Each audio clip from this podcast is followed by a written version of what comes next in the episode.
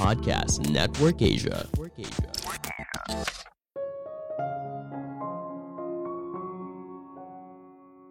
Optimis itu baik, tapi terlalu optimis itu justru berbahaya. Halo semuanya, nama saya Michael. Selamat datang di podcast saya, Sikutu Buku. Kali ini saya akan membahas soal optimis berlebih yang berbahaya. Ini merupakan rangkuman dari video TED Talk Tyler Sherrod yang berjudul The Optimism Bias dan diolah dari berbagai sumber. 80% orang punya pandangan hidup yang terlalu optimis kita cenderung melebih-lebihkan kemungkinan kita mengalami peristiwa baik dalam hidup dan meremehkan kemungkinan kita mengalami peristiwa yang buruk. Misalnya kita merasa kita tidak mungkin bisa terkena kanker, mengalami kecelakaan mobil, dan sebagainya. Sederhananya, kita lebih optimis daripada kenyataan yang sebenarnya. Kita tentu saja butuh optimisme untuk menjalani hidup, namun optimisme yang terlalu tinggi justru berbahaya Sebelum kita mulai, buat kalian yang mau support podcast ini agar terus berkarya, caranya gampang banget. Kalian cukup klik follow. Dukungan kalian membantu banget supaya kita bisa rutin posting dan bersama-sama belajar di podcast ini.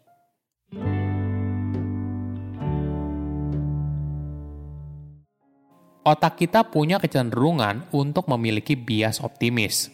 Hal ini membuat kita percaya kalau kita cenderung lebih jarang mengalami hal buruk dan punya potensi sukses yang lebih besar daripada kenyataannya. Kita percaya kalau hidup kita di atas rata-rata, namun secara statistik, tidak semua hal dalam hidup kita berada di atas rata-rata. Ada contoh yang menarik soal bias optimis. Di dunia barat, tingkat perceraian mencapai 40%. Artinya lima pasangan suami istri, dua di antaranya bercerai. Tetapi ketika kamu bertanya kepada pengantin baru tentang kemungkinannya bercerai, mereka menjawab 0%. Bahkan pengacara khusus perceraian juga terlalu optimis atas kemungkinan mereka akan bercerai. Kenapa hal ini terjadi? Ada beberapa hal. Pertama, kejadian tersebut jarang terjadi.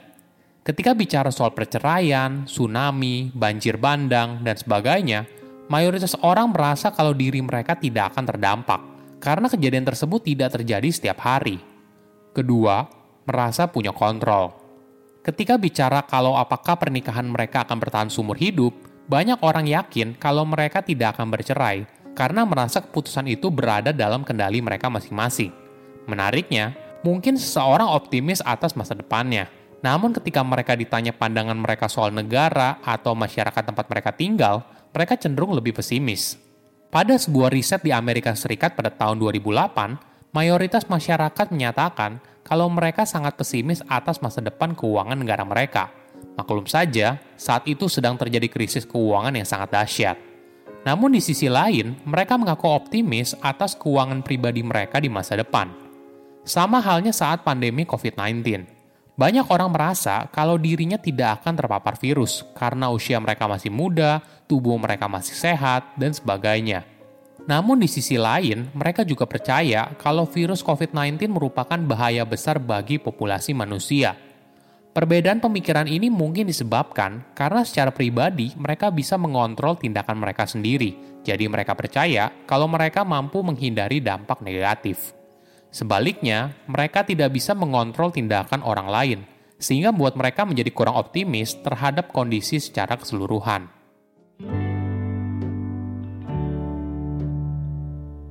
Apakah bias optimis itu baik? Apakah baik apabila kita terlalu optimis? Banyak orang bilang kalau kunci kebahagiaan adalah ekspektasi yang rendah. Logikanya seperti ini: jika kita tidak berharap hidup kita akan luar biasa, menemukan cinta sejati, tubuh yang sehat, dan sebagainya, kita tidak akan kecewa ketika semua hal di atas tidak terwujud. Namun, ketika semua hal tersebut terwujud, maka kita akan bahagia. Teori ini bagus, namun menurut Tali, hal ini kurang tepat. Pertama, apa pun yang terjadi, apakah kamu berhasil atau gagal, orang dengan ekspektasi tinggi akan selalu merasa lebih baik. Kenapa begitu? Hal ini disebabkan apa pun yang kita rasakan tergantung bagaimana kita menafsirkannya.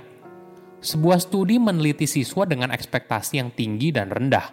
Peneliti menemukan ketika orang dengan ekspektasi tinggi sukses, mereka mengaitkan kesuksesan itu dengan diri mereka.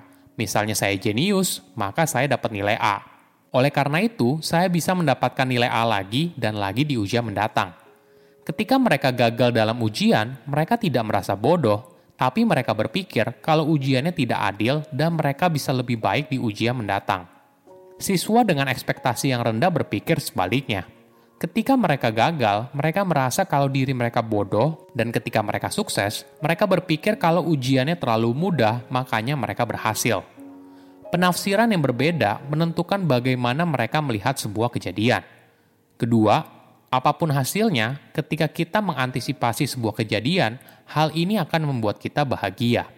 Ada sebuah studi yang menarik. Peneliti meminta para mahasiswa untuk membayangkan sebuah ciuman dari artis yang mereka sukai. Peneliti lalu bertanya, berapa besar uang yang bersedia mereka bayar untuk mendapatkan ciuman tersebut. Apabila ciuman itu langsung diberikan, 3 jam kemudian, 24 jam kemudian, 3 hari, dalam setahun, atau 10 tahun. Hasilnya, mahasiswa yang bersedia membayar paling mahal bukan untuk mendapatkan ciuman langsung di saat itu juga, tapi mereka memilih tiga hari lagi. Mereka bersedia membayar lebih mahal untuk menunggu. Bagi para responden, tiga hari merupakan waktu ideal untuk menunggu, karena kebahagiaan itu tidak hanya terjadi saat kita menerima apa yang kita inginkan, tapi juga saat kita menunggu momen itu tiba.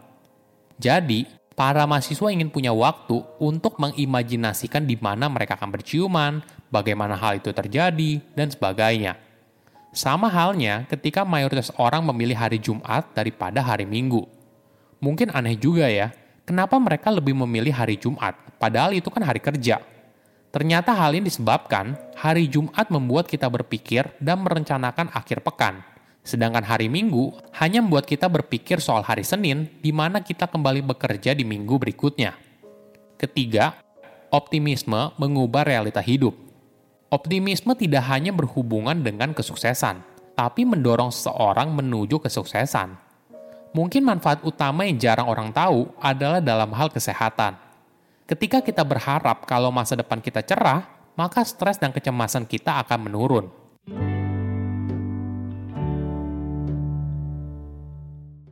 Di sisi lain, ketika kita terlalu optimis, hal ini bisa berbahaya karena akan bawa seseorang pada perilaku berbahaya, krisis keuangan, dan perencanaan yang gagal. Misalnya ketika seseorang ditanya, berapa persen kemungkinan kamu akan terjangkit kanker? Kemudian jika orang tersebut menjawab hanya 10 persen, lalu kita berikan informasi kalau rata-rata kemungkinan seseorang mengidap kanker adalah 30 persen. Walaupun sudah tahu informasi tersebut, orang dengan bias optimis mungkin akan menjawab kalau kemungkinannya naik menjadi 11 persen. Mereka menjawab seperti ini bukan karena tidak tahu kemungkinan yang sebenarnya, namun mereka merasa kemungkinan 30% orang mengidap kanker hanya berlaku bagi orang lain, bukan bagi dirinya sendiri. Jadi, bagaimana kita bisa menjadi orang yang tetap optimis tapi tidak berlebihan? Kunci utamanya adalah dengan menyadari hal tersebut. Ada sebuah analogi yang menarik. Sekelompok penguin yang berada di dekat jurang. Bagi para penguin pesimis yang tidak percaya kalau mereka bisa terbang, maka mereka hanya menunggu saja di pinggir jurang namun bagi para penguin yang memiliki optimisme berlebih, mereka langsung melompat dan berharap yang terbaik. Tentu saja mereka pasti akan meninggal. Nah, terakhir adalah para penguin yang optimis. Mereka merasa kalau mereka bisa terbang, maka ketika mereka melompat, mereka menggunakan parasut. Kita butuh menjadi orang optimis untuk punya tubuh yang sehat, karir yang sukses, dan hidup lebih bahagia. Namun di sisi lain, orang yang terlalu optimis bisa membuat keputusan yang buruk. Saya undur diri, jangan lupa follow podcast Sikutu Buku. Bye-bye. Pandangan dan opini yang disampaikan oleh kreator podcast, host, dan tamu tidak mencerminkan kebijakan resmi dan bagian dari podcast Network Asia. Setiap konten yang disampaikan mereka di dalam podcast adalah opini mereka sendiri dan tidak bermaksud untuk merugikan agama, grup etnik, perkumpulan, organisasi, perusahaan, perorangan, atau siapa pun dan apa pun.